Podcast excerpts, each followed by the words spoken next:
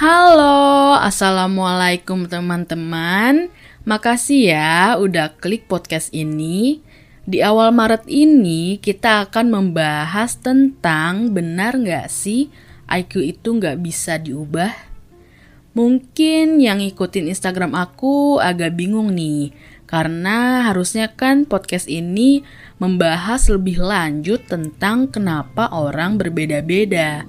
Jadi, antara IQ dan penyebab orang berbeda-beda ini sebenarnya tergabung dalam satu pembahasan. Gitu. Oke, kita bahas ya dari kenapa orang bisa berbeda-beda. Berbeda-beda di sini maksudnya beda dalam berpikir, bertindak, dan juga menjalani hidup. Mungkin aku dan kamu juga bisa beda nih dalam hal-hal tersebut. Nah, para ahli terbagi menjadi dua kubu atau dua pendapat nih. Yang pertama, ada yang berpendapat kalau perbedaan ini karena adanya perbedaan fisik Perbedaan fisik itu maksudnya wajah kita, anggota tubuh kita gitu ya, yang berbeda-beda. Hal ini gak bisa dihindari dan juga gak bisa dirubah. Jadi pendapat pertama ini bisa dikatakan kalau perbedaan dalam berpikir dan bertindak itu karena fisik kita yang berbeda. Nah, sedangkan Pendapat yang kedua, perbedaan ini karena latar belakang. Latar belakang tuh maksudnya latar belakang pendidikan, ekonomi, atau bisa juga pola asuh orang tua gitu ya. Nah, terus juga karena pengalaman, pelatihan, dan juga cara belajar yang bisa berubah.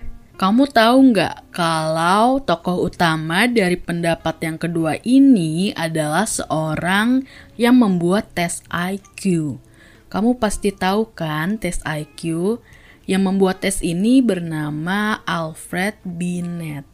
Di mana umumnya kita tahu kalau tes IQ itu untuk mengetahui kecerdasan seseorang dan kecerdasan itu nggak bisa diubah. Nah, ternyata beliau Alfred Binet yang membuat tes IQ ini berpendapat kalau memang benar ada perbedaan-perbedaan intelek pada manusia.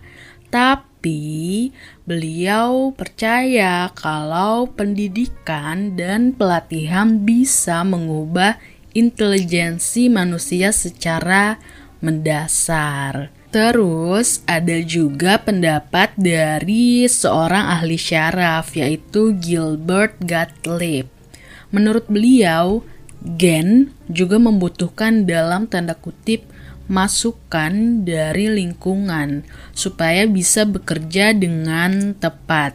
Artinya apa? Artinya kecerdasan yang diwarisi seseorang itu juga perlu distimulasi dari luar. Maksudnya harus diasah lagi supaya bekerja dengan tepat. Para ilmuwan juga mempelajari kalau manusia sebenarnya memiliki kemampuan yang lebih untuk belajar seumur hidup dan mengembangkan otak.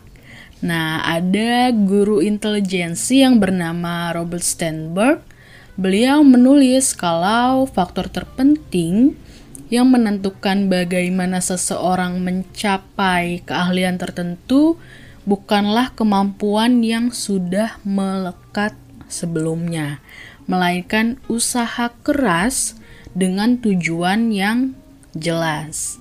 Nah, jadi bisa dikatakan kalau orang yang awalnya cerdas gak selalu yang paling cerdas pada akhirnya. Karena apa? Karena gak diasah tadi. Kalau yang ngikutin Instagram aku, kan aku pernah nanya ya, pendapat mana yang lebih tepat? Pendapat yang pertama atau yang kedua? Dan 89% dari followers teman-teman aku ini setuju kalau pendapat yang kedua lebih tepat. Dan berdasarkan yang sudah kita bahas tadi, memang benar pendapat kedua yang lebih tepat. pesan terpenting dari episode ini adalah IQ bisa diubah dengan pendidikan dan juga pelatihan. Jadi buat kamu yang mungkin merasa IQ-nya rata-rata atau mungkin di bawah rata-rata gitu ya, gak perlu berkecil hati karena kecerdasan itu bisa ditingkatkan asalkan kita mau untuk berupaya melatih kecerdasan kita.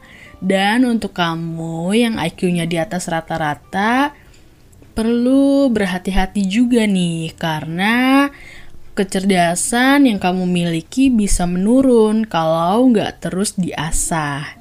Intinya, mau berapapun skor IQ kamu saat ini, jangan pernah berhenti belajar dan berlatih. Oke, semoga pembahasan ini bisa membuat kita lebih semangat lagi ya untuk belajar dan juga mengembangkan diri kita. Terima kasih udah mendengarkan. Sampai bertemu di episode berikutnya. Bye. Wassalamualaikum.